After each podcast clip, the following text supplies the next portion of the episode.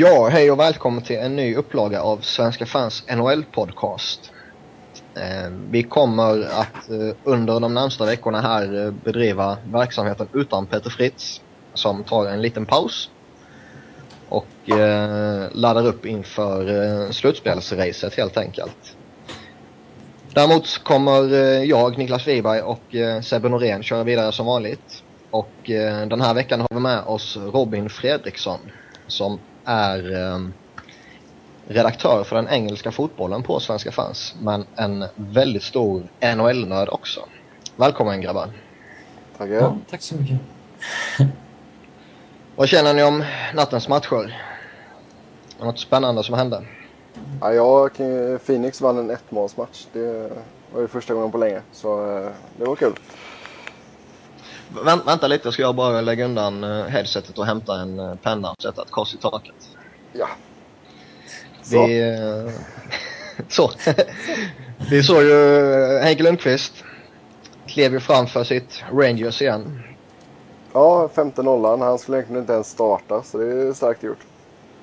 Mm. Varför, varför fick han hoppa in igen plötsligt? tydligen så kände sig Buron lite under the weather, som de uh, säger så fint i pressen. så jag vet inte riktigt vad det betyder faktiskt. Men uh, han fick hoppa in i alla fall och uh, gjorde det bra. Mm, verkligen. Washington lyckades ju besegra Boston. Mm. Ja, det är ju starkt gjort med tanke på hur bra ja. Boston har gått. Ja, och med tanke på vilka spelare Washington är borta också. Mm. I Ovechkin, Bäckström och sen Mike Green längst bak också väldigt otippat att uh, sån som Perrault går upp och gör ett hattrick. Uh, ja, skulle man satt en tusenlapp på det innan matchen skulle man haft några sköna slantar sen. Han har väl bara gjort en 6-7 mål i år så att, ja. mm. Fick en paj i ansiktet av Ovechkin i intervjun efteråt också. Ja, det är rätt. Hur var det att se Kyle Turris tillbaka i Phoenix då? Alltså det är, jag tror inte att det är så många som är ledsna över att han gick faktiskt. Sen är det klart att han har spelat bra sedan han kom till Ottawa men eh, det handlar väl nog mer om att han eh, har fått spela i andra och första kedjan i Ottawa. Det hjälper om man får spela med en sån legend som Alfredsson. Ja, det gör nog inte saken värre i alla fall. Nej, om vi ser tillbaka lite på veckan annars då och eh, ett av de hetaste ämnena är ju kanske Alexander Ovechkin. Eh, jag vet att eh, Sebbe var pratade väldigt mycket om att eh, du ville ha med Ovechkin som ett ämne här i veckans podcast. Han blev avstängd tre matcher efter att ha hoppat in i Spinek Michalek och satt en tackling mot huvudet. Så han dunkade in i sargen och fick då tre matchers avstängning som sagt. Vad vill du utveckla på något sätt Sebbe? Jag tycker de har, eller, jag tycker hela Washingtons lägret där har skött det ganska dåligt. För det har varit mycket gnäll. Och eh, jag menar, det står i regelboken du får inte hoppa upp från isen och göra en tackling liksom. Och det är, Ovechkin är så pass stor ändå så han behöver inte göra det. Och ändå så, så gnäller de att han är klassad som en uh, repeat offender och sådana grejer. Men, uh, men ser man, jag menar Gå in på Youtube och kolla tacklingen. Det är liksom klockrent. Det är avstängning. Det, är ju mycket, mycket, mycket förvånande att eh, domarna inte tror någonting under matchen. Nej, det vet jag inte om det är. Alltså Ovechkin, jag tycker han får en del fördelar av domarna ändå. Jo, det, det får han och det är förvånande det också. Eh, med tanke på att han har ju en väldigt vårdslös eh, stil när han flänger omkring på isen. Ja, han kallar det för att han I play hard, I check hard. Ja, jag vet. Det är ju vanliga snacket där och det är inget fel i det givetvis. Det är ju det är så man ska spela liksom. Jo, men du kan, spela, men, du kan ju fortfarande spela schysst. Du kan ju spela precis. hockey och spela schysst. Precis. Och det, att det bara blev tre matcher, det ska han nog vara glad över att Michalek inte blir skadad. Och killen har ändå haft eh, hjärnskakningsproblem och eh, kunde mycket väl ha drabbats igen. Och då skulle han fått en ny hjärnskakning så vet man ju liksom inte vad som skulle hänt med Ovechkins avstängning. Nej, han hade mycket väl kunnat få en uh, fem matcher då. Oh, ja. Minst. Hur många gånger har han blivit straffad förut Ovechkin? Ja, detta är väl hans tre, eller Ja, jag tror det är tredje med. tredje va? Sen, Mm, han, sen tror jag att han har blivit eh, bötfälld två gånger också för eh, questionable eh, hits. Mm, precis.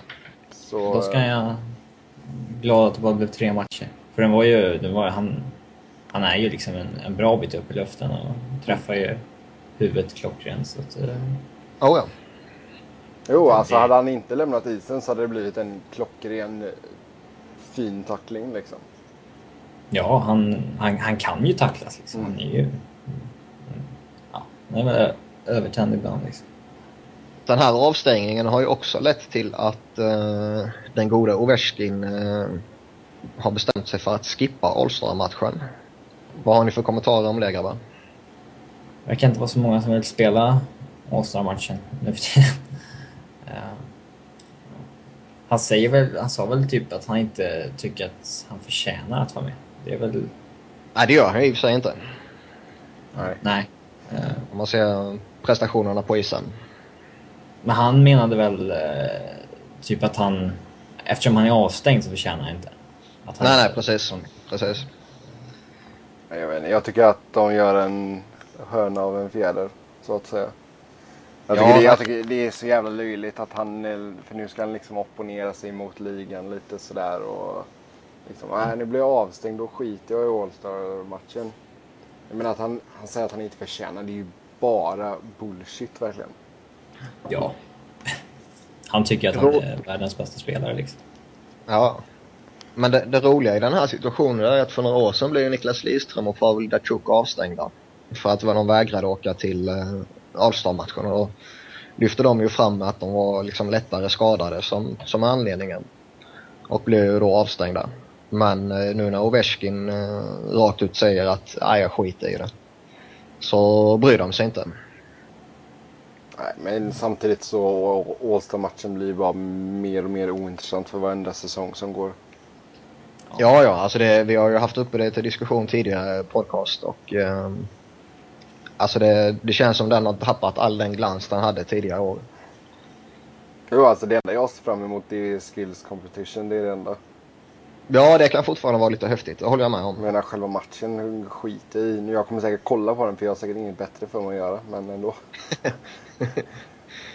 Nej, det är ju så. Det är väldigt avslagna matcher nu för tiden.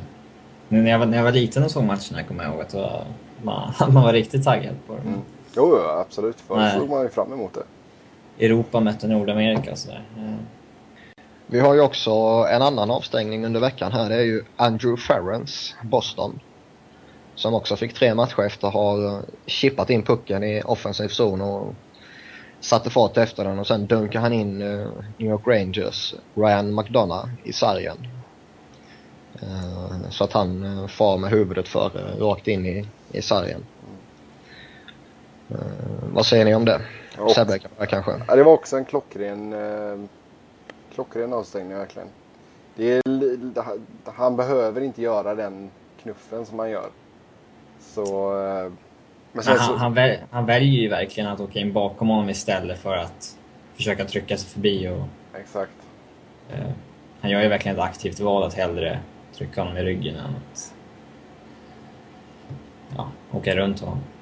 Eh, Nej, sen så ser man ju, om du tittar på bilderna så ser man ju att han får också tag i en, eller med sin skridsko så liksom föser han på Rangers-spelarens eh, skridsko så han kan inte göra någonting annat än att flyga rätt in i sargen.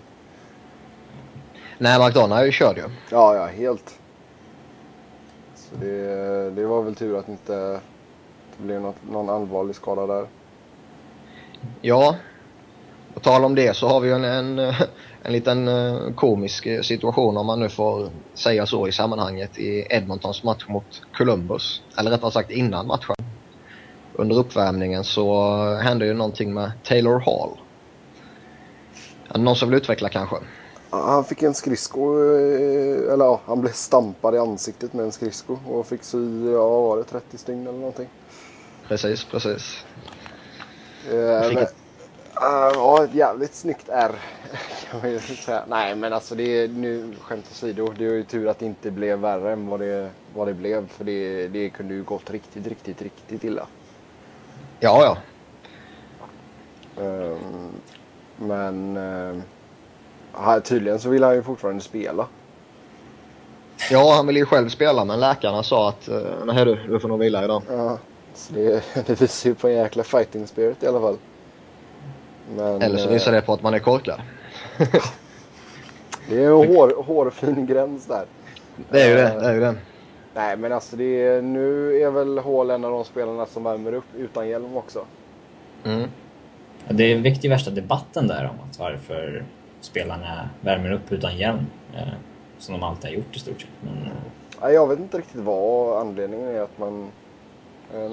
De vill se fina ut i håret innan matchen. Jag vet inte.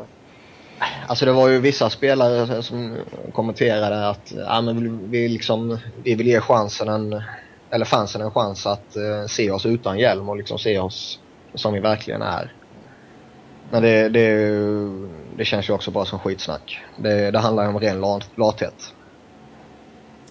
Men samtidigt det- så... eh, Hall spelar med visir i vanliga fall va? Mm. Ja, det. Ja, jag menar... Hade han haft hjälm på sig så hade det ju kunnat bli att skridskon bara går på visiret sen ner och sen tar honom över liksom käften eller någonting. så den Ja, tog alltså verkligen i- nästan, tog nästan upp i pannan på honom. Ja. Alltså och bakåt. Så att, eh, jag tror att hade han haft hjälm hade han nog klarat det helt. Men... eh, Ja, det hade ju kunnat gå illa också förstås. Men, Nej, så jag vet inte. Men samtidigt ska man börja tvinga alla att ha på sig hjälm hela tiden då. Det, jag menar det är väl upp till var och en. Vill du inte ha hjälm på uppvärmningen så fine liksom. Men får du en puck i huvudet så är det ditt eget fel liksom. ta risken. Alltså, där, där kan jag tycka att klubbarna borde ha ett visst eh, intresse av att alla spelarna har eh, hjälm på sig. Liksom, I och med att det... Alltså ser, ser man spelarna som den boskapen som de trots allt är så är det ju ändå klubbarna som drabbas om de blir skadade. Liksom.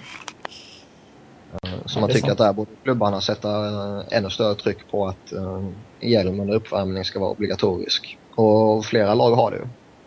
Jo, jag kan förstå ifall lag gör, väljer det. Men jag tycker inte ligan ska gå in och sätta något, någon regel. Nej, man kan inte förbjuda och styra upp allting och sådär liksom till höger och vänster. Det, Men det är ju som, blir- jag, det är ju som vi har snackat om innan med visir och um, munskydd och nackskydd och allting. Att det är, vissa grejer får de väl bestämma själva. Ja, ja. Uh, ska vi lämna Taylor Hall och gå in på lite trevligare nyheter kanske? I alla fall trevliga nyheter för min del. Låter som Vi har ju fått, eh, vi har fått ännu mer snack om New Jerseys dåliga ekonomi. Den här säsongen förväntas man gå med 20 miljoner dollars back. Och eh, man har inte kunnat betala amorteringen på ett 80 miljoners lån som skulle gjorts i september. Ehm, och samtidigt skriver man för nå- något år sedan eh, ett 100 miljoners kontrakt med Ilja Kovalchuk. Så det, det känns som att eh, Devils eh, vandrar på en väldigt farlig väg för tillfället. Ja. Nu sägs det ju att eh, NHL kanske till och med måste skjuta till lite pengar för att de ska klara den här säsongen och eh, då säger vissa rykten om att ligan faktiskt kan tvinga New Jersey att göra sig av med lön eh, för att kunna eh, klara säsongen ut så att säga.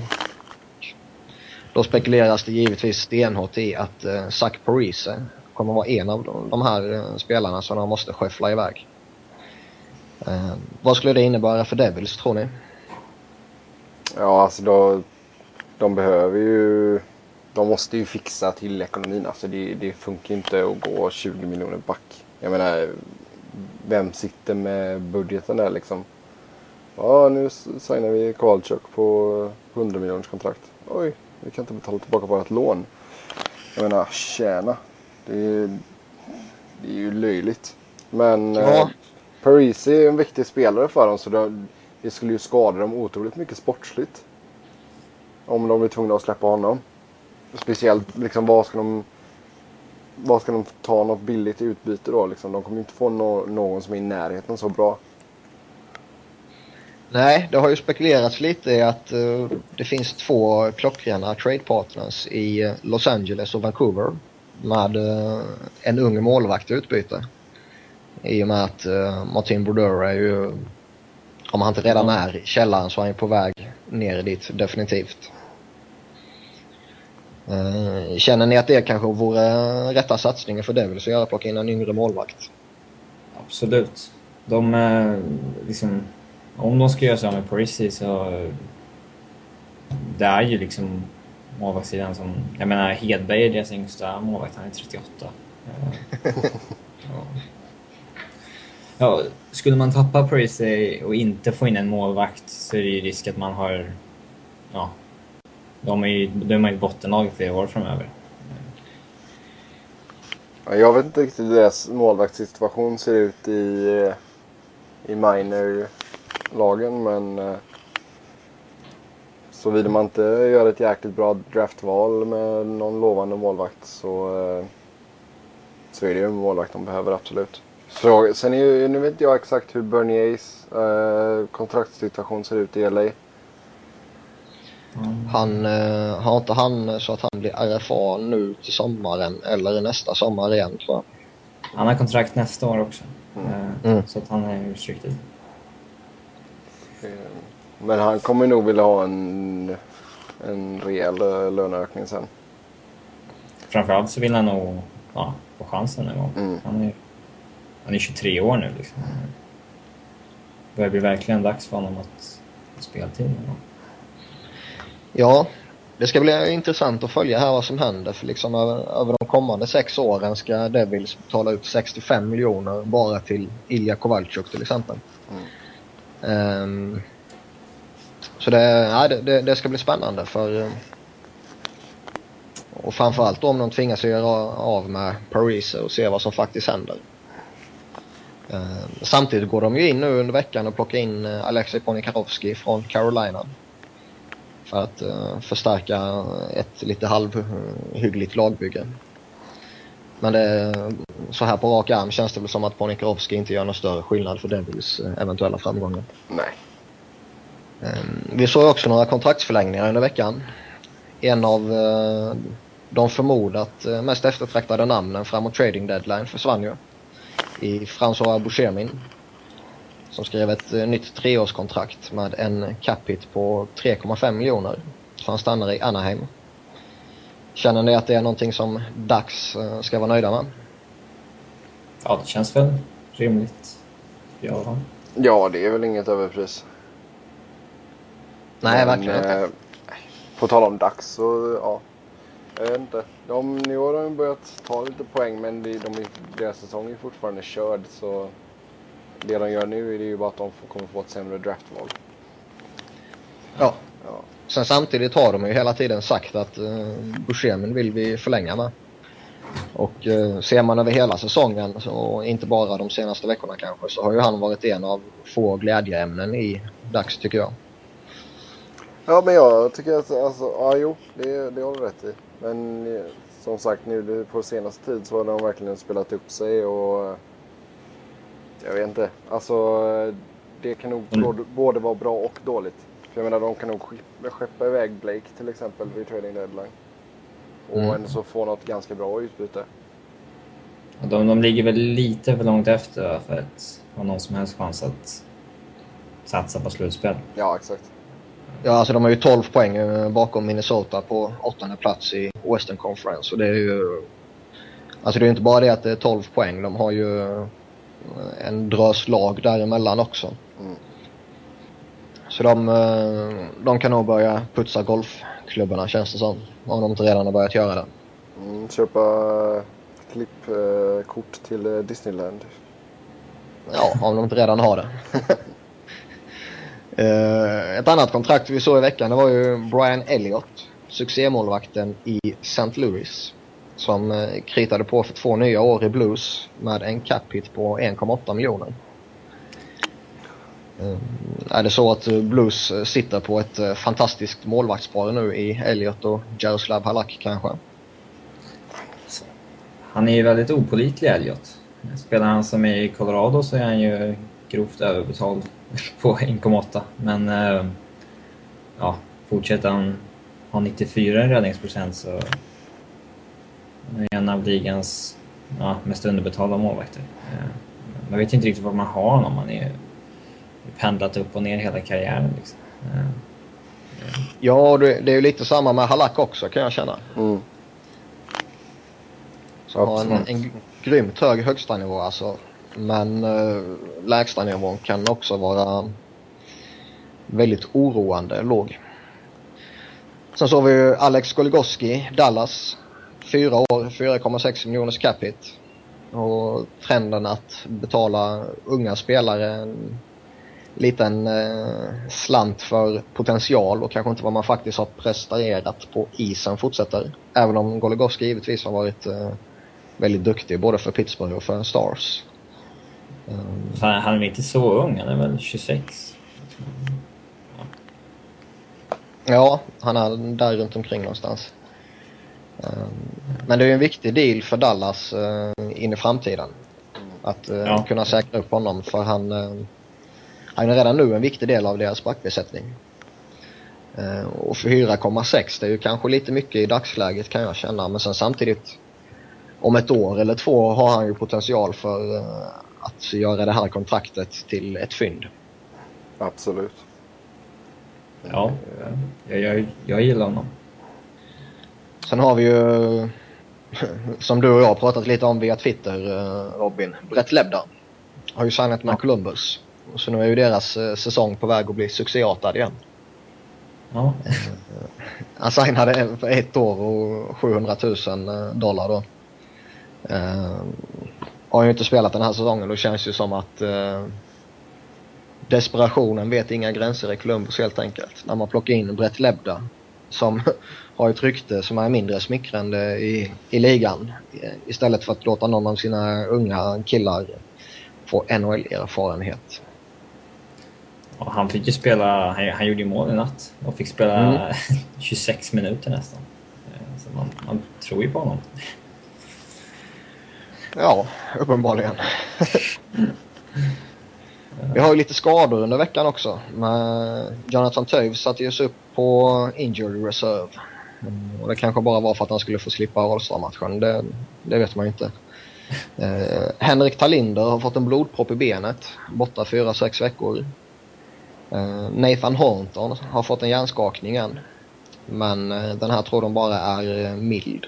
För eh, och det är ju jätteglädjebesked för honom i så fall för det är en, en väldigt kompetent spelare när han är frisk. Ehm, Daniel Brier fick en hjärnskakning också.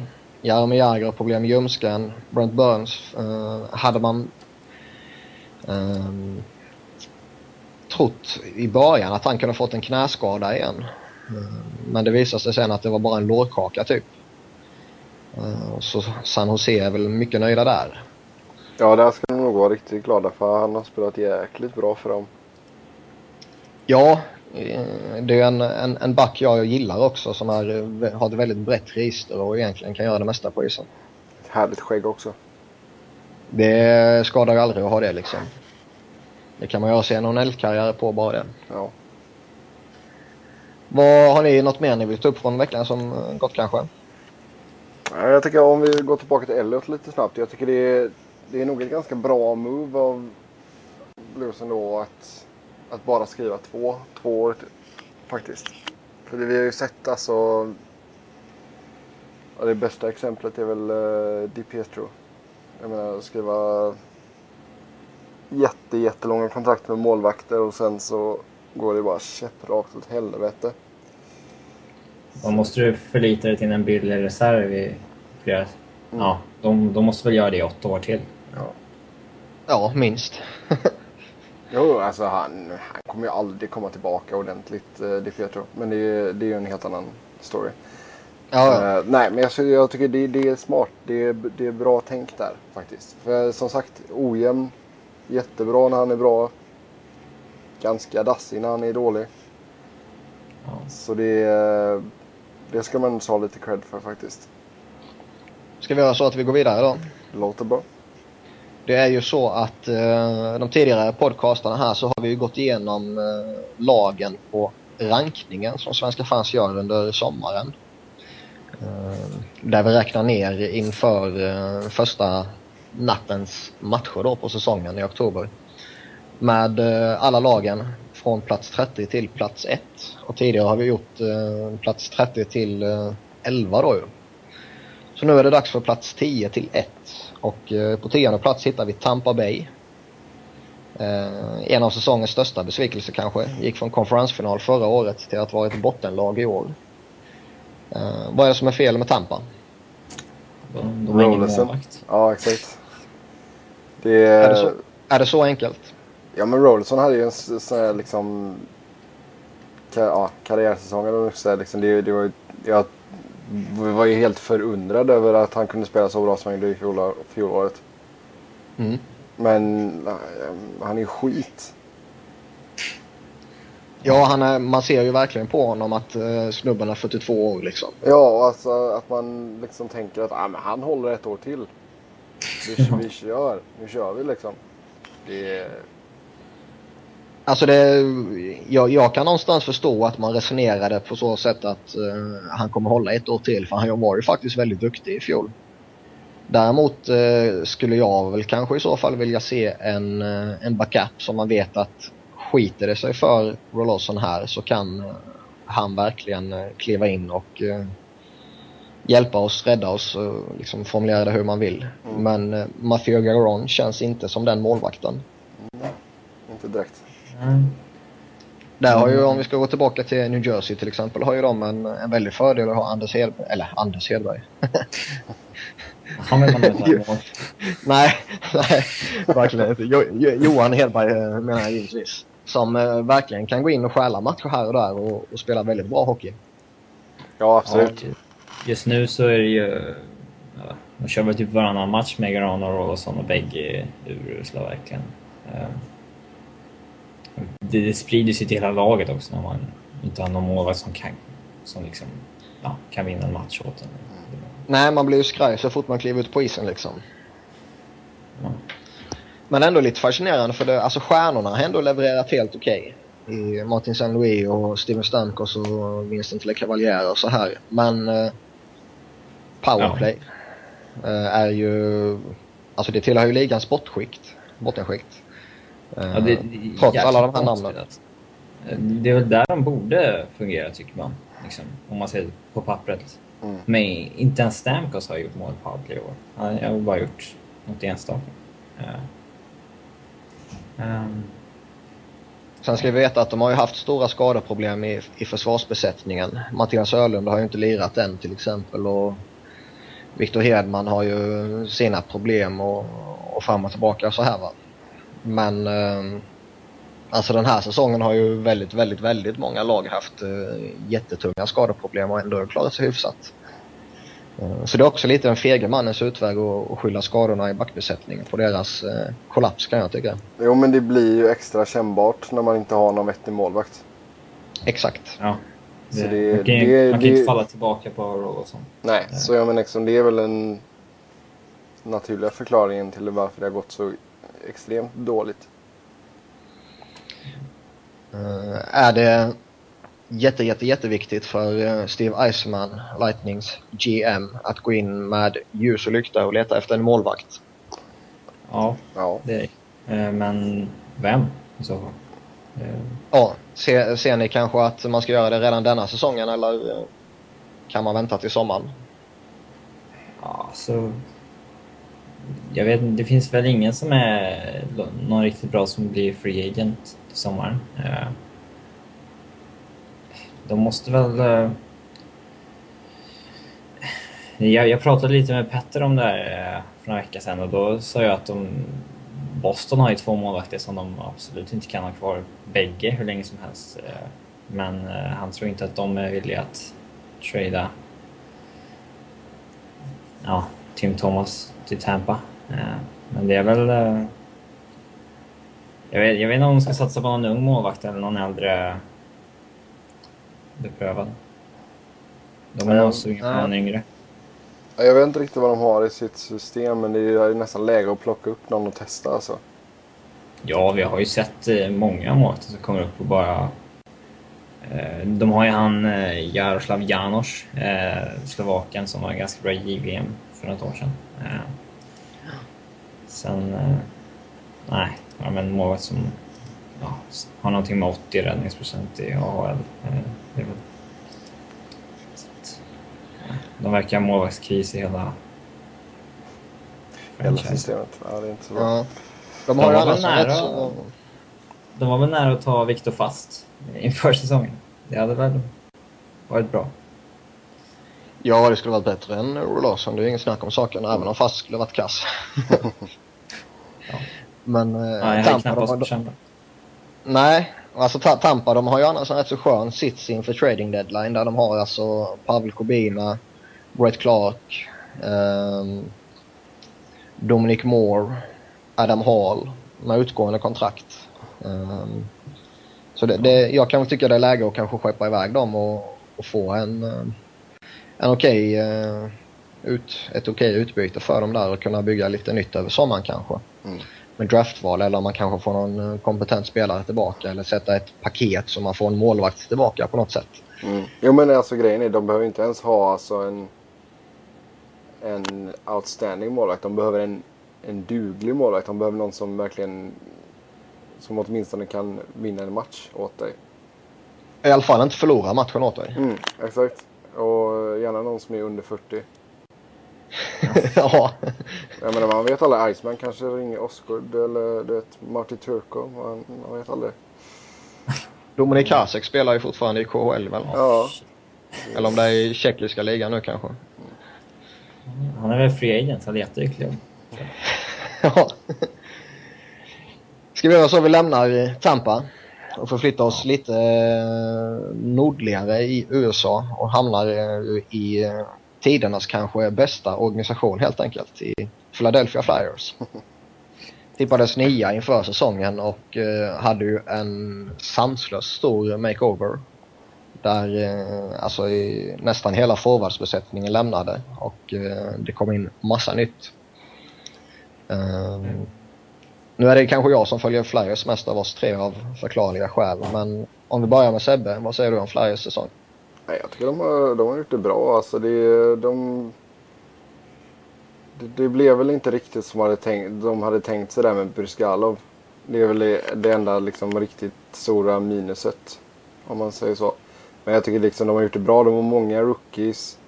Och det är, det är nog jäkligt bra för dem att de får lira med en sån kille som Jagger och få träna med honom. Så att de verkligen liksom ser vad som krävs för att nå den absoluta toppen. Oh ja. Så det, nej jag tycker de har gjort det bra. Sen, sen som sagt målvakts, eh, målvaktssidan hade väl kunnat vara bättre. Det, det är väl li, lite av en gamble att satsa på två ryssar tycker jag. Ja, alltså det, det, har ju visat sig hittills, ska man kanske tillägga, att uh, Buskalov har inte varit någon succé. Sen samtidigt, alltså han... Man ska inte skriva av honom än. Nej, man ska inte skriva av honom än. För må, alltså säsongen är fortfarande relativt ung. Och uh, det är inte alls omöjligt att ta tid för, för nya spelare att anpassa sig till uh, alltså laget och till lagkamraterna och till staden och liksom till allting runt omkring och sådär. Um, Ja, nej, nej, alltså kvaliteten finns. Bruskalov är en riktigt bra målvakt. Det, det är ja, inget ja. snack om saken. Men det, det är bara att han, han har nog fått sig en liten eh, känga mentalt sett. Ja, säkert. Ja, han trodde nog att han skulle ja, vara, vara betydligt bättre själv. Men samtidigt, samtidigt så är det ju mer press att spela i Philly än vad det är att spela i Phoenix. Ja, det är det verkligen. Varenda sak han, eh, han gör på, på isen eller vid sidan av isen ifrågasätts ju hela tiden i media. Där han i, i Coyotes kunde eh, göra lite vad fan han ville liksom. Och det var ingen som brydde sig ändå typ. Um, generellt kan man väl säga om Flyers att deras team defense är för, för svagt.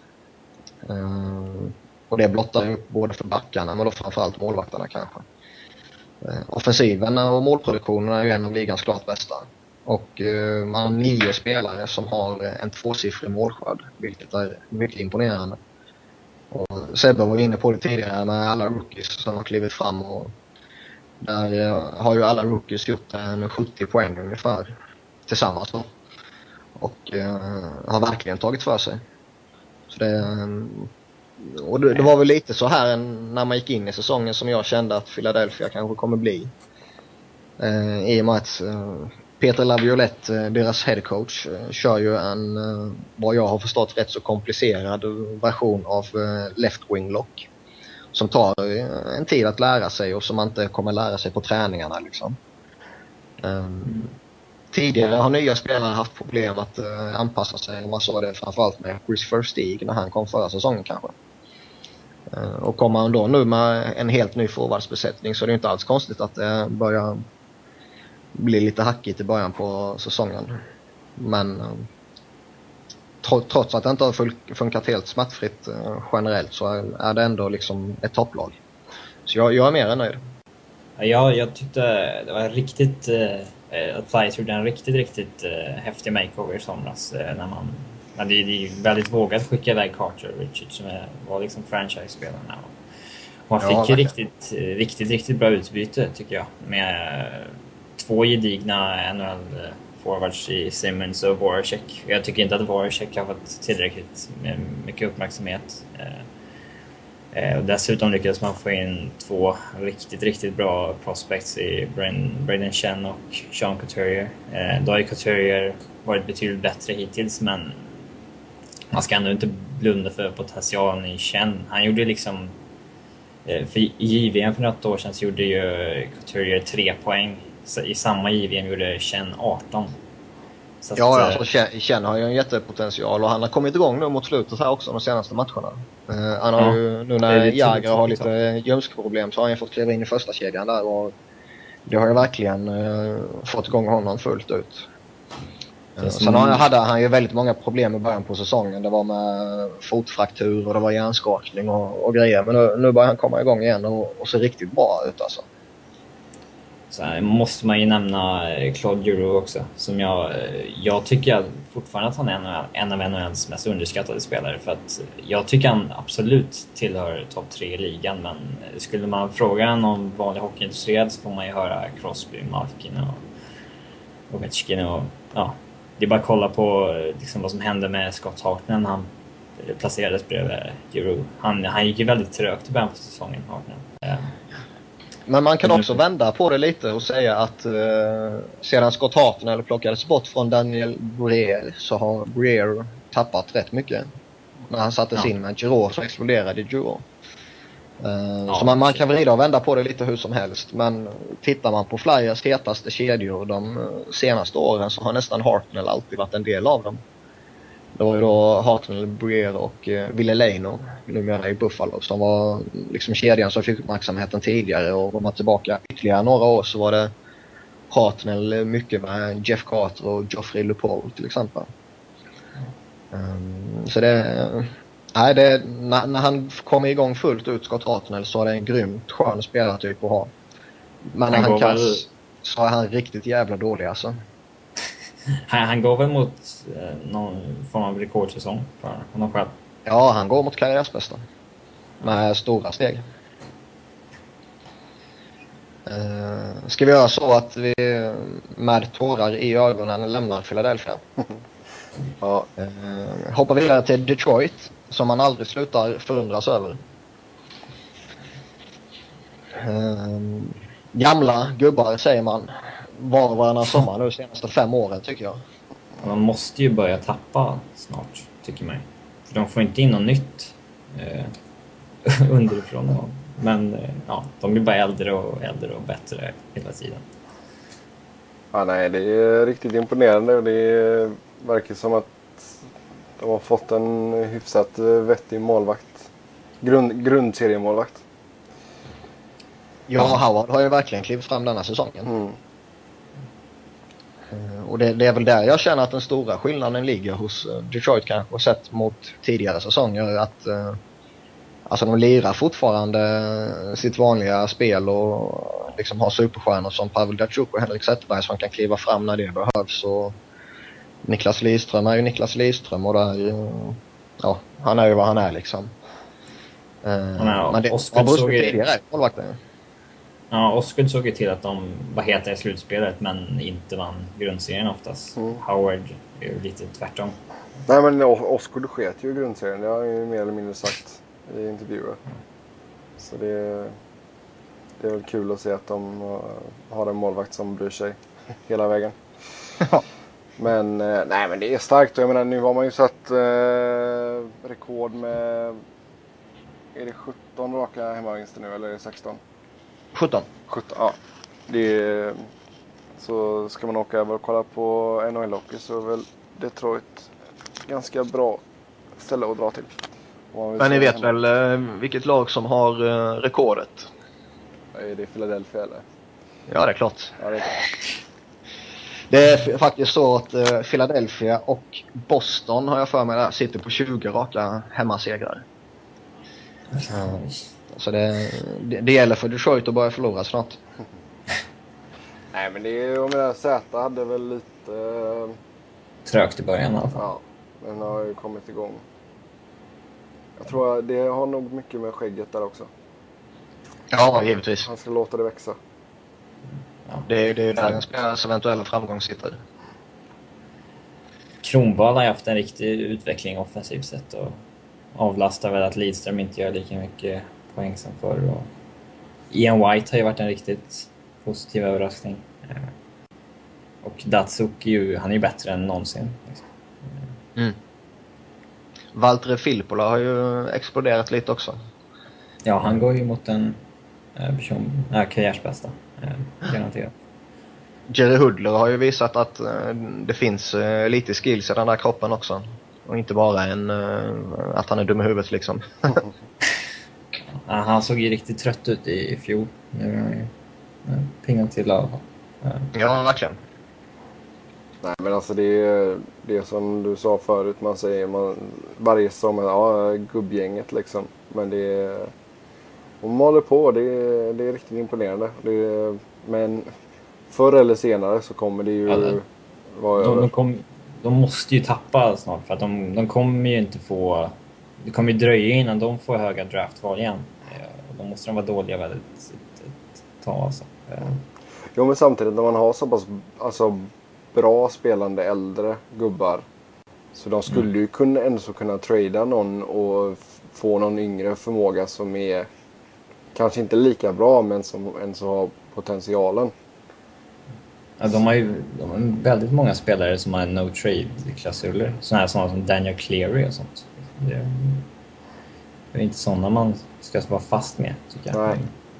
Eh, Men alltså... De, de, har, de får lite mycket, eh, för mycket cred för sin scouting, tycker jag, Detroit. Det var väldigt länge sedan de eh, ja, fick upp någon nu som de hade... Jag menar, de, här, de tog ju Datsuk och Zetterberg och Lidström sent, men det var ju väldigt länge sedan nu. Det- De har inte fått draftat någon de senaste fem åren typ, som har fått speltid i Detroit, förutom Jakob Kindle. Eh, ja. Nej alltså hade jag varit uh, ung lovande spelare så hade jag inte varit jätteglad ifall eh, Detroit uh, tingade mig. men eh, ja, som sagt förr eller senare så måste det ju ske en förändring. De har ju eh, Kalle Järnkrok eh, draftad och Teemu Pulkkinen. Eh, det är väl deras framtid kanske. Det är ju svårt att slå- sig in i ett sånt lag när det går så pass bra. Ja, men alltså långtidsperspektiv tänkte Mm. jag. Jo, absolut, absolut. Ska vi göra så att vi lämnar Red Wings där kanske och hoppar vidare till en av deras rivaler faktiskt. På sjunde plats hittar vi Chicago. Eh, som precis som hela Central Division eh, går ruggigt, ruggigt bra. Eh, de har en bra spets, de har en bra bredd, men de har bara ett eh, sådär målvaktsspel kan man tycka. Eh, vad är det som gör Chicago så bra? Alltså Chicago har ju... De har ju jäkligt många bra lirare. Och det är... Jag menar en sån kille som Taves uh, har ju varit helt... uh, ja, helt otrolig att se vissa stunder. Det är på båda ändarna av isen. Så det är... Han får ju igång, han får igång vilka de än sätter bredvid honom också. Mm. En sån som Viktor Ståhlberg gör ju inga poäng när han spelar en tredje kedja. Liksom. Han spelar med Taves och det gör, han, han snittar ju en poäng varannan match i alla fall när han mm. spelar med Taves. Liksom. Nej, så det är, det är, han ska ha mycket cred Taves faktiskt. Sen som sagt målvaktsspelet har väl inte... Det har ju inte varit... Eller ja, jo det har varit ganska dåligt faktiskt. Det, det är väl det som är akilleshälen i alla fall. Mm. Helt klart. Samtidigt så... I och med att laget är så pass, så pass skickliga som de är framåt så behövs det inte lika mycket kvalitet i kassen kanske. I grundserien i alla fall. Eh, det blir, mm. I slutspelet det kan bli avgörande. Absolut. Vad känner ni att eh, Chicago, förutom kanske målvaktspositionen, behöver styra upp inför ett slutspel? Finns det någon speciell spelare eller, eller position snarare som de behöver styrka upp på? Ja, det är väl... Eh, de behöver förstärka sitt kanske tredje backpar om man säger så. De har ju bra Duncan Keith och Brent Seabrook och så här, men uh, Shane O'Donnell och John Scott och så här håller väl inte riktigt måttet. Nej, alltså vi har, vi har nämnt O'Donnell förut och det, det känns som att det finns bättre backar i den åldern. Om man nu letar efter rutin alltså. Det där kan de ju ordna på trading deadline om... Alltså, det bör vara ganska lätt att ordna. Mm, absolut. De sägs ju spana på en back. Vem? Eller? Nej, det, nej, det, nej, bara att de, de spanar på backförstärkning. Ah. Uh, och som, som Sebbe var inne på så har vi pratat lite om det tidigare i podcast. Och jag, jag ser väl ett behov av kanske en uh, andra center bakom Töjs, men före uh, Dave Bolland. Så att man verkligen Kriger. kan... Ja, det vet fan. ja.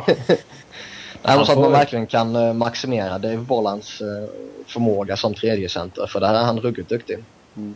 Ja, det är utmärkt. Och, och liksom Patrick Sharp och Patrick Kane som han har lirat lite center i år. Alltså de, de är ju inga centrar, de ska vara eh, mm. ytterforwarder. Mm. Men har man den offensiva alltså bredden i... Alltså en sån som Hossa har ju kommit igång på allvar i år igen och eh, Sharp, Kane, Taves och de, de, de, har ju råd att inte ha en, en jättebra andra center just nu i alla fall. Det är väl därför de känner att de har råd att ge alltså förtroende till Marcus Kryger just nu. Samtidigt var ju det, det grymma djupet som vann dem eh, Stanley Cup. Mm. Ja. En, en sån bred trupp eh, lär man inte se på länge. Mm. Nej, och det fick ju sina konsekvenser också. Mm, exakt. Ja. Nej, men frågan är vad man skulle bli tvungen att ge upp också om du, om du ska in en hyfsad andra center också. Det... Nej, det är ju att offra en, eh, en rätt eh, eftertraktad ung talang känns det som. Mm. För men det finns säkert, jag tror säkert en sån som, nu tror inte jag att det här skulle vara, hända, men en sån som Stahl i, i LA skulle ju säkert passa bra in i Chicagos system som en andra center. Mm. Men sen är ju frågan, jag tror inte LA är så jättesugna på att släppa honom. Ska vi göra så att vi, vi lämnar Chicago och går in på Los Angeles då? För de var faktiskt på nummer 6 på våran rankning. Mm. När Sebbe så vackert gav mig en övergång där så, ja, det... så griper jag efter den helt enkelt. Ja visst, silverfat. Jajamän. Nej alltså, det är LA. Jag försöker så följa dem hyfsat mycket. Och eh, det är, alltså inledningen av säsongen var ju ett skämt. Det är, det, man blir fan gråtfärdig vissa stunder. Men eh, sen eh, Sutter kom in så har de ju spelat riktigt bra faktiskt. Det är fortfarande så är målproduktionen under all kritik. Ja, mm. Och det, man ska vara glad att man ligger på en eh, tolfte plats i ligan faktiskt. Eh, man har skaffat sig en liten eh, kursen nu också i slutspelsracet. Så det... Eh, jag kan med ganska stor säkerhet säga att LA tar sig till slutspel i alla fall. Men, ja, man har ju är prickat rätt på tränarsidan, vad det verkar. Mm. Ja. Nej, men alltså sen har man ju, alltså, jag tycker ju att Quick är en av ligans bättre målvakter. Det, ja. det, det är ju en oerhörd hjälp när de väl kommer i en slutspelssituation. Um, men jag menar, gör man inga mål så kommer man inte ta sig vidare ändå. Så det, man, man har ju sparkapital i många spelare dock. Sån som Simon Gagné kan ju vakna i ett slutspel. Uh, men uh, sån som Dustin Penner verkar ju ganska trött. Ja, ja alltså skicka honom vart som helst. Alltså, jag, det spelar ingen roll. Jag sa bort ska han ju bara egentligen. Ja, Petter, eh, Petter då, som brukar vara med här har ju suttit och ja, gråtit på Svenska fanskontoret över Dustin Penner ett par gånger. Mm. Han, han är verkligen kass alltså. Jo men, sen det, jo men grejen är att han sitter på ett hyfsat dyr, eller ja, ett helt okej okay, dyrt kontrakt. Så frågan är ju liksom vem vill ta det kontraktet med tanke på hur jävla dassig han är. Ja, alltså som tur är går det ju ut i år. Ja. Men jag vet inte vem som skulle vilja... Nej, det är sant alltså. Det skulle ju kanske vara lag som uh, verkligen uh, kämpar för att nå lönegolvet. Uh, och ja. behöver överbetala. Då, då skulle det kontraktet kännas rimligt kanske. Om vi tar typ, vi typ Dallas och... Ja, sådana, sådana lag vet man aldrig vad som händer. Alltså det, vi hade ju en unik situation med Florida i, i år till exempel. Eller i, ja, 2011 var det ju. Men eh, man vet ju inte om något sånt sker igen. Men annars är han ju alldeles för överbetald. Ett sånt lag som Colorado skulle nog kunna tänka sig ta Penner eh, säsongen ut. Eh, de behöver verkligen forwards. Eh, de har spelat alla möjliga alltså enforces uppe i första kedjan och så därför att de inte har några forwards. Eh, ett kontrakt säsongen ut så skadar det inte testa. Nej, men frågan är liksom vad, vad, vad ska de ge upp? Frågan är, ja, vad, vad, vill, vad vill LA ha av Colorado? Ja, det, ja, de vill väl bara bli av med pennor Ja, jo. det är sant.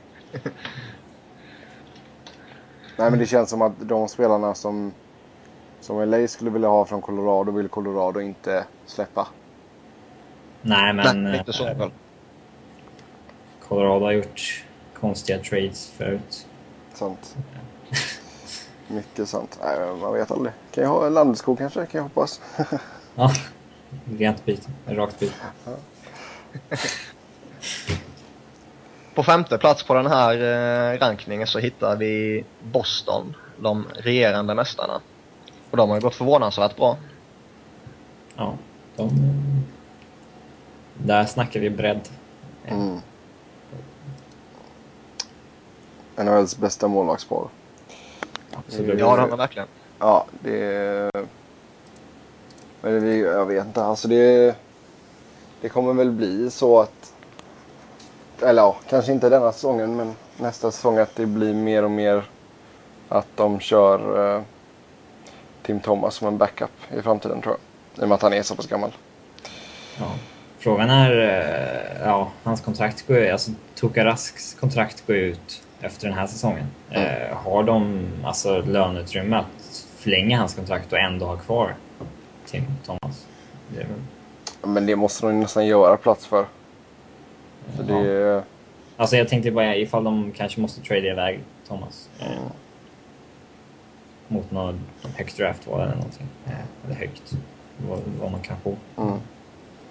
Nej, men jag tror, ja, alltså. Det är mycket möjligt men jag tror ändå så att de skulle nog helst vilja ha kvar båda. Och, ja.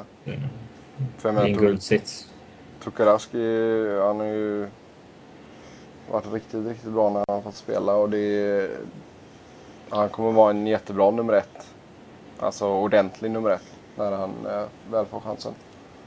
Och då är, men samtidigt så, jag menar, sitta på en backup i Tim Thomas hade ju varit guld för vilket lag som helst. Så det är... Nej men alltså det är, jag menar, man har visat bra, bra offensiv också. Man har väl gjort flest mål av alla va? Man har ju typ tre kedjor som alla kan göra. Alltså producera offensivt. Mm. En sån som Tyler Seguin hade ju en, haft en rejäl utveckling i år. Eh, jag trodde nog inte så många att han skulle gå så här bra. Ja, alltså man såg ju så att potentialen fanns där men att det skulle gå redan alltså, till denna säsongen, alltså, är ju, det är ju överraskande. Han är, Han är poängbäst i laget. Liksom. Ja, ja visst. Nej, nej, han är ett riktigt djur.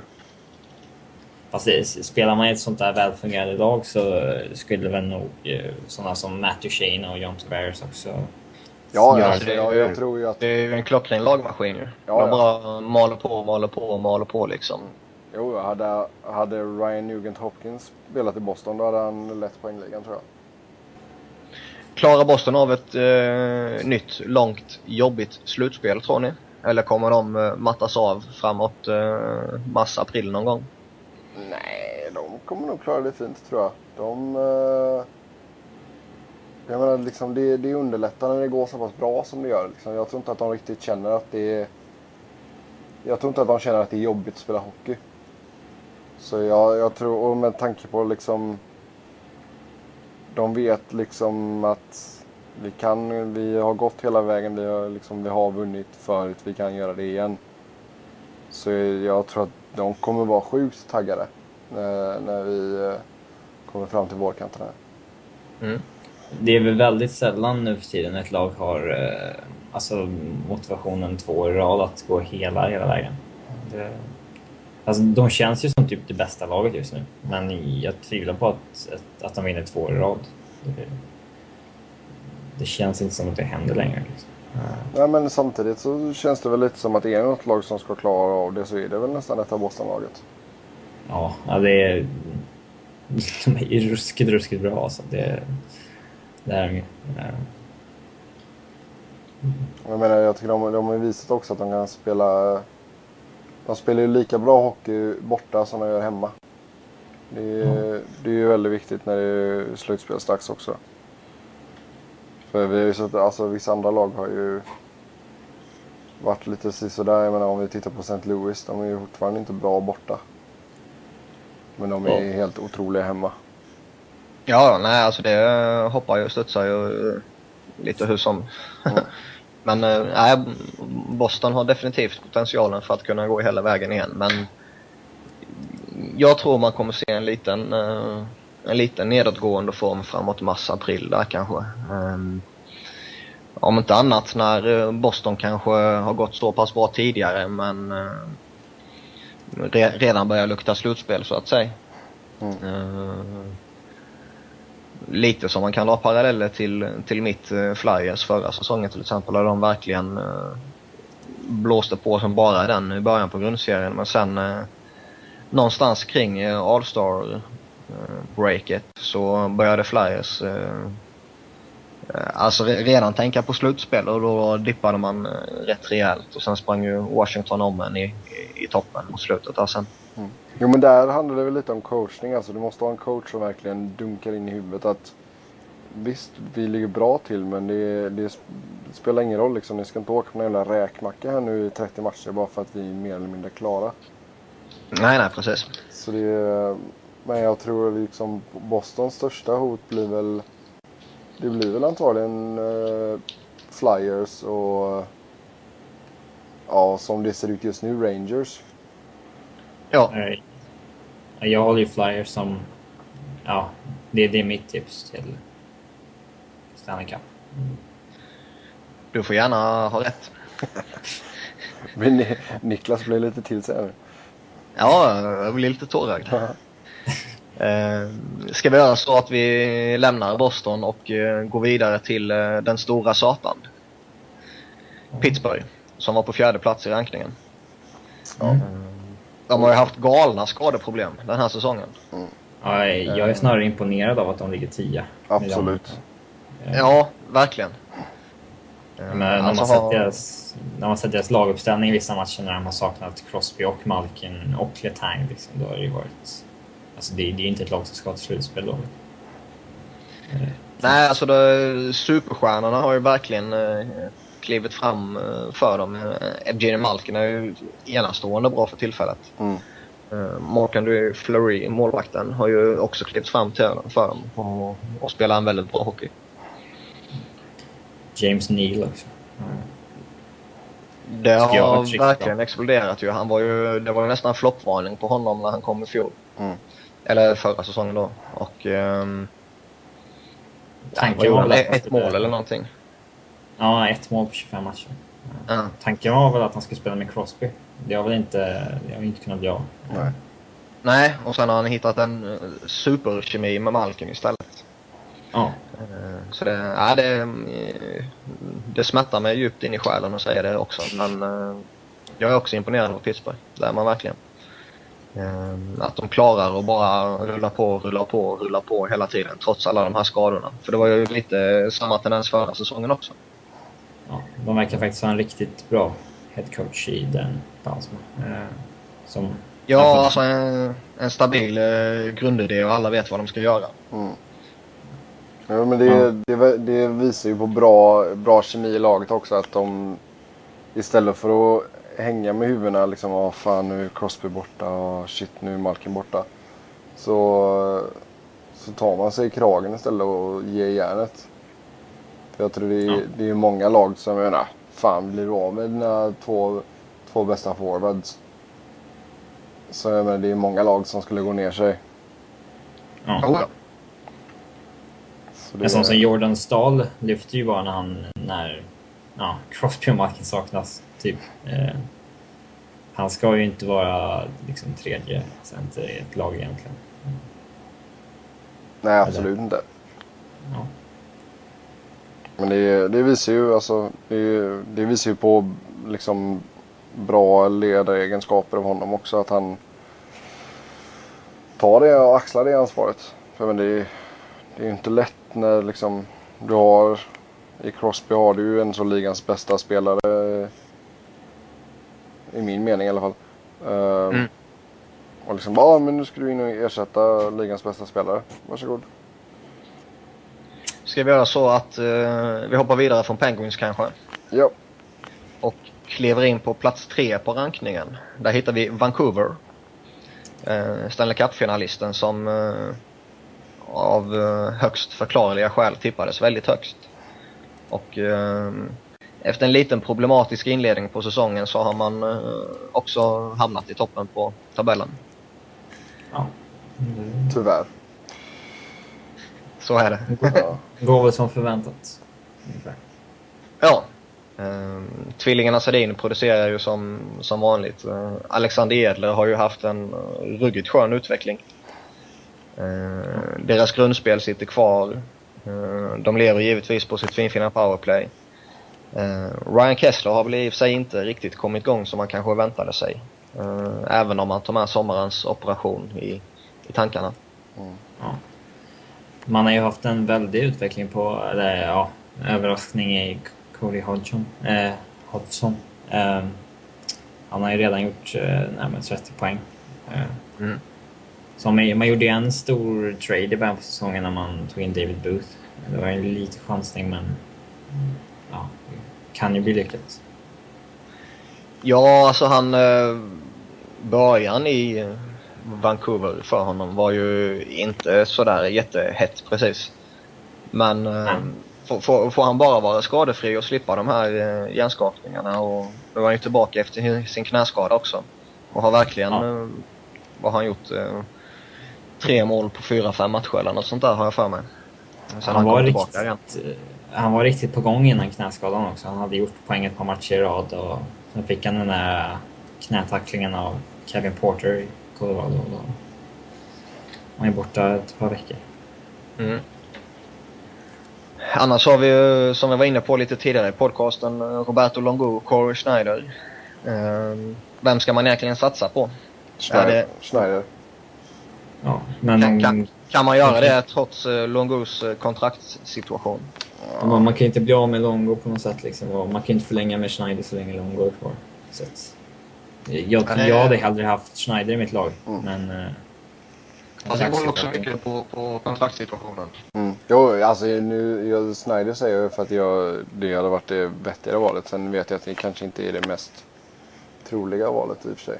Men, Det är eh, väl en målvakt som Tampa borde eh, kanske titta på. Ja, ja, han skulle säkert göra jättebra eh, ifrån sig i Tampa. Det, sen kanske han har lite bättre, eller han, han, har, han skulle ju ha bättre backar framför sig i Vancouver. Men eh, jag tror säkert han skulle kunna gå in och göra det bra i en klubb som Tampa. Ja, Mm. framförallt Vancouver inser väl att de inte kan ha kvar honom tack vare Longos kontrakt också. Mm. Eh, Och det, där ser vi också. Det blir ju problem när du skriver sådana jättekontrakt med målvakter alltså. Det, Ja, verkligen. Och jag menar, jag, jag, sen det är lite svårt för mig också för jag gillar verkligen inte Vancouver. Det kan jag ju, det kan jag ju erkänna. Jag gillar inte Luongo heller. Um, och jag menar visst, han har varit, Luongo är jättebra i sina bästa stunder, absolut. Men eh, det, det verkar vara som att det är där lilla extra som fattas ibland mentalt. Ja, han var Mm. ju pinsam i Stanley Cup-finalen i, i Boston. Så det... Men som sagt, man har, satt, man har skjutit sig lite själv i foten när man eh, ger dem ett sånt kontrakt. Ska vi göra så att vi hoppar vidare till plats två på listan kanske? Yes. San Jose har vi där. Ja. De har ju gått lite, ja, lite sämre i alla fall, men ändå ingen panik direkt. Nej, absolut inte. Det... Grejen med San Jose är ju också det att de... De är så pass bra så att de vet att de kommer ta sig till slutspel. Men sen måste de ju se till att skärpa till sig när de väl kommer dit. Ja, tidigare har de ju bränt krutet i grundserien. Ja. Så det, det är väl ett av de lagen som har verkligen underpresterat i slutspelet. Ja. Så det, Man eh, har inte alls samma poängproduktion på spelare som Marlowe och Thornton i, i år. Dock, eh, de har inte alls kommit upp i den nivån de har i alla fall. Eh, sen gjorde man ju, eh, har inte traden Heatley mot Havlat varit särskilt lyckad. nej, det kan man ju lugnt säga. Sen är det att ta, in Havlat är ju alltid en chansning alltså med, med tanke på hans skadehistorik. Uh, Ja. Är han frisk så kan han ju leda ett lag till eh, väldigt uh, fina resultat. Men problemet är bara att det krävs så otroligt mycket för att han bara ska hålla sig uh, något sånär frisk liksom. Vil- Vilket är jättetråkigt för han är ju som sagt väldigt duktig när han väl är hel. Jo men det är ju så. Alltså, vissa, vissa spelare är ju glaslirare. Det så är det ju i, i alla sporter. Ja, det, men jag menar, jag menar, alltså jag tror hellre att San Jose-fansen ser att de går lite... För de har gått lite mer ojämnt än vad de brukar göra i grundserien detta året. Men eh, jag menar, de ser nog hellre det. Fan, de tar säkert hellre en slutspelsplats än att de gör ett liksom, ordentligt försök och eh, gå till eh, Stanley Cup-final. Än att man liksom vinner Western Conference och sen åker ut i andra rundan. Liksom. oh, ja verkligen. Fast, fast det är, bara för att de är sämre i år än tidigare tyder ju inte på att de kommer gå längre i slutspelet. Nej, nej, absolut. Absolut inte. Men eh, Eh, jag menar liksom Ja. om, om Marlowe och Thornton kanske inte går eh, 100% just nu. Nej, det, Så eh, jag menar, det räcker ju att de går på, för det är så pass, två så pass bra spelare så går de på 80% så räcker det. Och sen ger man liksom det här lilla extra i slutspelet sen. Förhoppningsvis då för fansen i San Jose. Mm. Ska vi göra så att vi hoppar in på första platsen på vår rankning från i somras? Ja. yeah. Där hittade vi ju Washington. Och eh, det var väl inte no- direkt förvånande att, eh, att Capitals topp, eh, tippades i toppen. Eh, med tanke på vad de har presterat i grundserien tidigare år. Och vi ska ju tillägga det att det, det är ju en rankning över eh, grundserien som vi kör. Det är ju inte vad vi tror kommer vinna Stanley Cup sen. Eh, men det har ju inte riktigt gått så bra för Capitals i år. Nej, vi skulle, fan, vi skulle haft en sån liten uh, jingel så. Vi, får, vi får klippa in det sen. Ja. Nej, men alltså det är... Jag menar, det, det, de spelar ju inte samma hockey som de har gjort innan. De har ju bytt head coach. Ja. Så Så det är... Jag menar, det, det är inte samma full fart framåt som det har varit innan. Utan, och jag menar, det märks ju även på eh, ja, Ovechkins eh, poängproduktion. alltså, truppen är ju byggd för att spela full fart framåt hockey liksom. Mm. Eh, så har man ju ändrat det nu. Eh, då går det ju lite knackigt. Sen så vet jag inte riktigt om... eh, Jag menar, vi har pratat tidigare i podcasten om vilken som var den bästa signingen free agent-målvakter. Om det var Bruskalov eller om det var Vokun. Och jag tycker inte att Vokun har varit något speciellt. Nej, Nej. han har inte övertygat heller nu om man ser över hela säsongen liksom. Eh, och sen ska väl gudarna veta att eh, spela målvakt bakom det där försvaret, det, det är nog inte det, det enklaste man kan göra i NHL om man säger så va. Nej, absolut inte. Jag, sk- jag skulle ju hellre ha Vokun på en, den där cap-hitten på 1,5 miljoner än Bruskalovs jättekontrakt. Ja, oh, givetvis, givetvis. Så att, Mm. ja. Jo, jo, rent ekonomiskt sett så visst. Men, Ska man, jag menar, om man bedömer vem- vilken som var den bästa, bästa värvningen och inte den bästa spelaren så är det ju. Eh, Sen, ja, men det, det blir det ju alltid oavsett vad, vad de presterar på isen i och med att eh, det är 6,6666 eller vad Bruskalov nu har i cap hit mot eh, 1,5 för Vukun så är ju alltid Vukuns eh, det bättre givetvis. Men det, det blev ju en unik situation för honom där liksom. Så det är, väl, Ja. det är väldigt tufft att jämföra de två också. Jo, men vem har du helst i kassen i Game 7 liksom? I en Stanley Cup-final? Ja, eh, baserat på Nej. vad man har sett av dem tidigare år eh, och vad man vet vilken nivå de kan nå så väljer jag Bruskalov. Eh, Inte jag, Leighton jag, då? jag anser, äh, inte Leighton. Nej, den, den, den jävlen kan ruttna jag med. Fan, det skottet han släppte in från Patrick Kane, det kan jag stoppa ju. Det räcker det att ha benskydden ihop för fan. hade Anders Hedberg stoppat till och med. Ja, till och med han. eh, sen tittar man på tabellen kan man bli lite lurad av Washington nu. Alltså det, nu är de trea i Eastern. Men innan nattens match så var de sjua. Mm. Så det är det här med divisions... Eh, Ja, det är för att de spelar i den där skitdivisionen med... Ja. Alltså... Ja, vilka med Florida, och Winnipeg och Tampa och Carolina. ja, Det- precis. Jo, det gynnar ju dem. Absolut. Går Florida, har, har Florida en poäng till så dimper ju Washington ner rejält. Ja, precis. Ehm, kommer Washington eh, få ordning på det här? Eller kommer man fortsätta gå knackigt och sen ryka i första rundan i slutspelet? Om man nu tar sig till slutspel, det gör man kanske inte. Jag, jag tror att de tar sig till slutspel men nej, de verkar inte ha tillräckligt genomtänkt eh, och gediget lagbygge. Eh, Och opålitliga stjärnor framförallt. Mm. Och då tänker jag inte på Niklas Bäckström. Nej, han har väl ändå så varit en av deras jämnaste spelare. Nej, han får ju ofta skit för att eh, han tydligen bara är bra på grund av Ovechkin, säger många. Men eh, ja, det har han ju bevisat i år i alla fall att det inte bara hänger på det. Mm.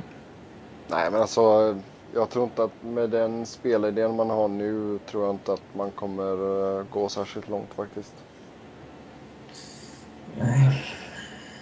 Som- Om så, alltså visst, fine om du gör ett par trader och sådär och ruskar om lite i laget så du får in spelare som passar i den spelidén. Då kanske det kan gå vägen men eh,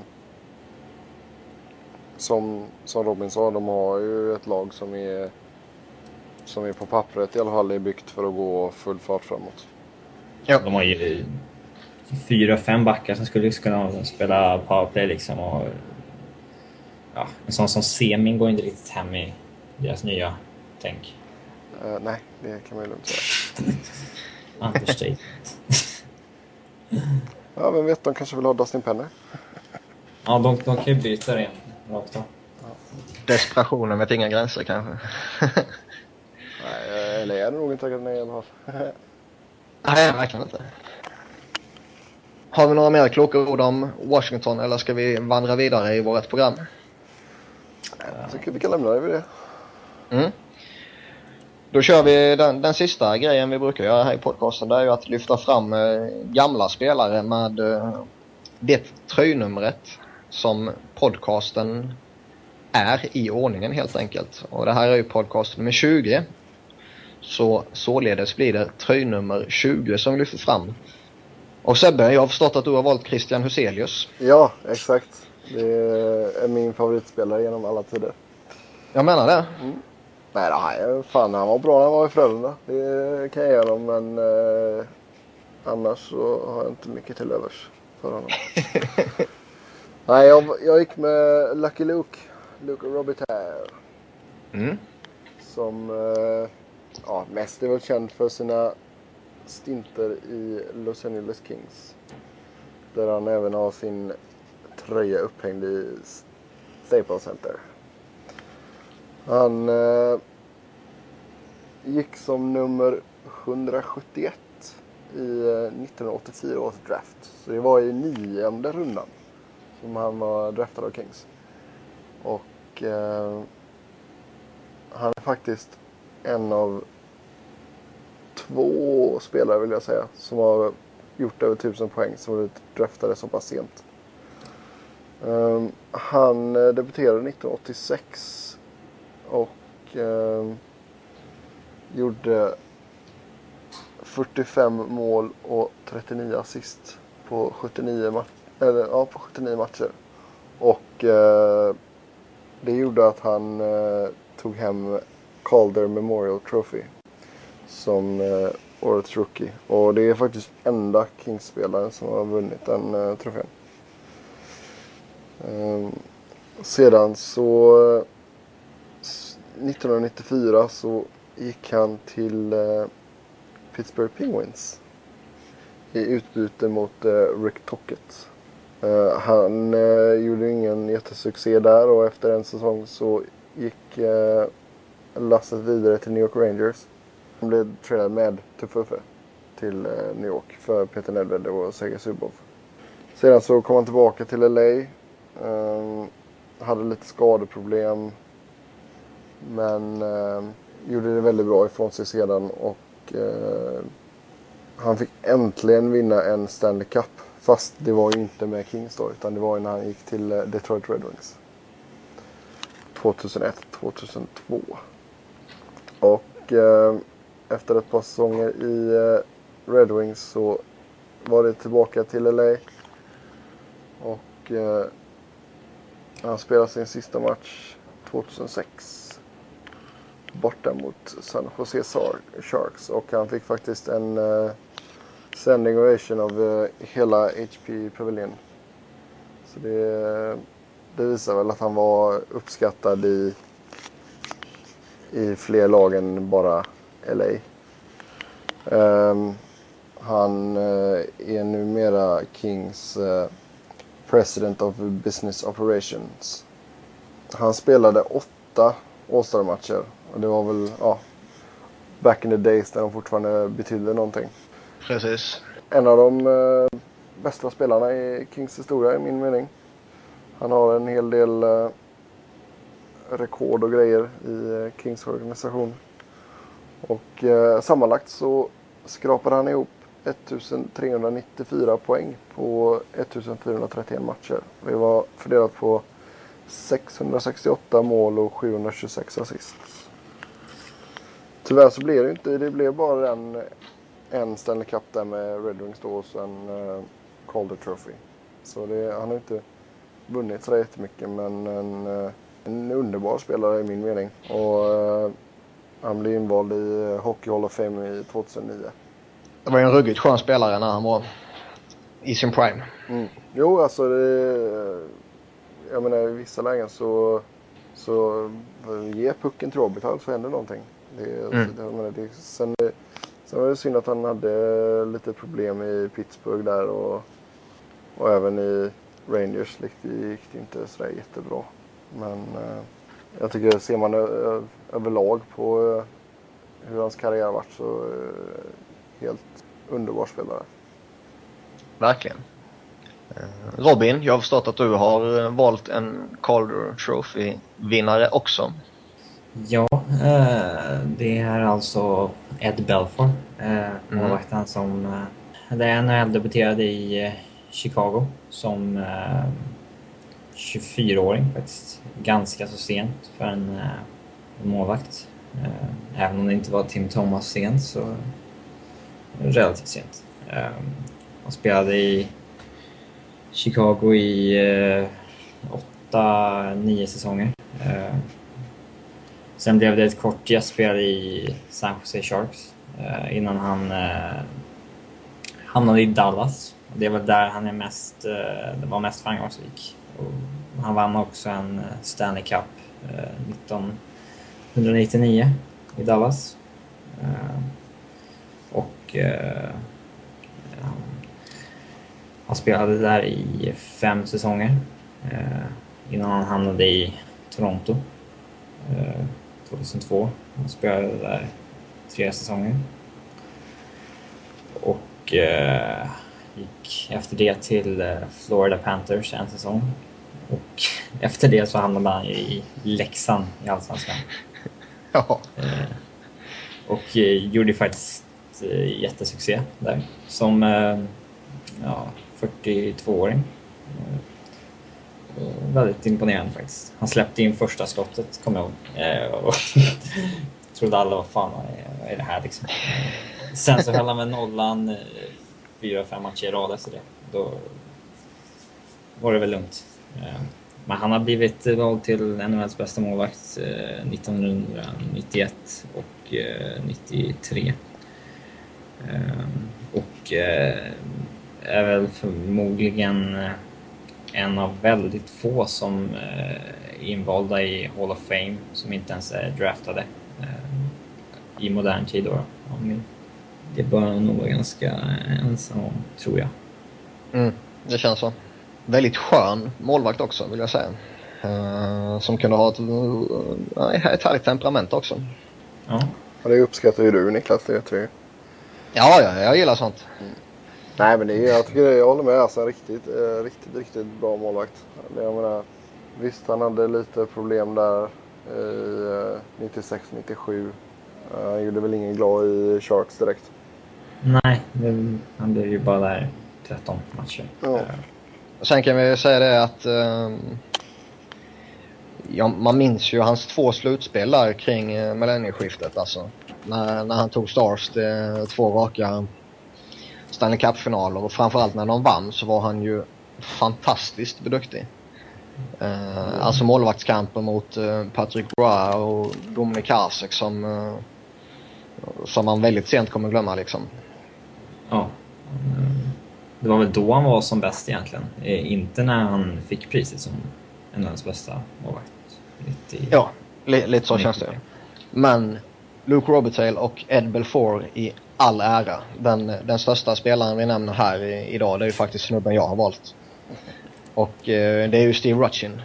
Den gamla Anaheim-liraren. Jag har ju en förkärlek för eh, den där spelartypen. Eh, stark, skicklig tvåvaktscenter som eh, kan behandla pucken och som spelar i alla situationer och kan spela tunga minuter och, och verkligen matchas mot motståndarnas topp, eh, toppspelare. Eh, han har ju också en, en rätt skön historia där han är en av få, om inte kanske egentligen den enda, spelaren som blev lyckosam efter att ha gått igenom en sån här supplemental draft. Som man hade från 86 till 94 där eh, det var en form av kompletterande draft av college-spelare. Eh, och det var väldigt, väldigt, väldigt få som eh, lyckades här. Men Steve Rutchen var en av dem. Och det tog inte lång tid innan han fick gå in i Anaheims första kedja med Paul Correa och Teemu Selänne på kanterna. Och det resulterade i flera säsonger med 55-65 poäng och en målskörd kring eh, 20 mål per säsong. Ehm, han var grymt viktig för Dax när man tog sig till Stanley Cup-final 03. Ehm, då blev det sju mål på 21 matcher och eh, framförallt var det matchserien mot Detroit. Ehm, där Dax vann med 4-0 i matcher som som man minns från hans slutspel där. Eh, förutom att han var en väldigt kompetent eh, hockeyspelare i sig så var det en skön ledare på isen och vid sidan av isen också. Eh, och väldigt många Anaheim-fans håller honom varmt om hjärtat. Eh, tyvärr fick han en väldigt tragisk avslutning på sin karriär. Förfallet började genom att han tradades till New York Rangers och det vet vi alla att det, det är ju inget, inget man skriver i sitt CV precis. Eh, sen sommaren 2006 signade han för Atlanta. Men eh, i mars 2007 fick han en hjärnskakning som avslutade karriären. Och eh, totalt blev det 735 matcher och 489 poäng fördelat på 171 mål och 318 assist. Och det är en spelare som jag alltid, alltid, alltid bytte till mig på de tidigare NHL-spelen. Ja, vi kan väl säga också att uh, han uh, spelar mot sin uh, brorsa Larry i VM 98. Mm. Uh, hans brorsa valde att spela för Italien. Men Steve, Steve, Steve var lite bättre och fick representera Kanada. Ja, exakt. Lite. Det, det visar nog på vilken, uh, vem som var bäst i den familjen. Jajamän. Ja, nej, men det är det som du säger. Det är en uh, cool spelare faktiskt. Oh ja. Han, han gjorde ju även en säsong i uh, IHL med San Diego Gulls. Uh, ett av de uh, fulaste hockeynamnen på en klubb någonsin tror jag. Gulls. Ja, vem fan vill vara fiskmåsarna liksom? Nej, det, det är tragiskt. Det är tragiskt. har ni några mer hyllningskörer om Steve Butchin eller kanske Flyers? Nej, det var ju synd att han signade för Atlanta måste jag säga. Ja. Ja. Han kunde lika väl, han kunde lika väl lagt av. Sen samtidigt, han var ju fortfarande en kompetent spelare där. Han var ju inte riktigt den, han var inte den första centern han var när han var i Anaheim givetvis. Men uh, han var ju fortfarande en, uh, en, en duglig uh, center vill jag hävda. Sen hade han inte så många NHL-säsonger på nacken så han ville väl köra vidare ett tag. Ja, säkert. fram lite kanske. Jag vet inte, har vi några honorable mentions? Ja, alltså vi har ju en uh, Gary Suter. Som uh, var en uh, väldigt kompetent spelare på sin tid. Vi har ju Pete Mahovlich. Uh, på den gamla goda tiden. Sen har vi ju, måste ju nämna Chris Pronger också som spelar i nummer 20 nu i Philadelphia. Och det, han lär väl inte spela denna säsongen och mycket tyder väl på att karriären uh, mycket väl kan vara över också. Och sen Huselius också men han har då redan ser det. hunnit. Ja, exakt. Dino Ciccarelli kanske? Jag tänkte precis säga... Ja. Definitivt. Definitivt. Vilka ska jag absolut inte nämna? Christian Kan man- Huselius. Ja, tur att vi inte har nämnt honom. ja, jag skyller på Sebbe. Ja, Han är ju Frölunda i själen också. Ja, men det känns som att Huselius uh, bryr sig mer om sina hästar än sin hockey. Det är ju där han gör sina pengar. Ja. Jason Krog kan vi nämna också. Mm. Stora namn. Kari Eloranta också. Robert Lang. Ska vi göra så att vi tackar för oss där kanske? Med Ja. Robert Lang. Det är en värdig avslutning kanske. Ja, det är det. Ja, Jyrki Lumme. Jyrki Lumme. Det var en ännu mer värdig avslutning. Ja. Och som vanligt kan ni ju, vet ni att ni kan följa oss på Twitter och ni får gärna höra av er där med eh, kommentarer och tips eller via mail. Mig kan ni följa på Niklas Wiberg. Och sen har vi ju Sebbe på Seb Noren. Och Robin kanske vill ha lite följare också. Så du får dra ditt användarnamn själv. Ja, det är R understreck Fredriksson. Bra. Där kan ni följa väldigt mycket smutsigt Liverpool-snack men eh, också en väldigt mycket kompetent NHL-snack. Så vi tackar för oss. Ha en bra vecka. Ha det gött!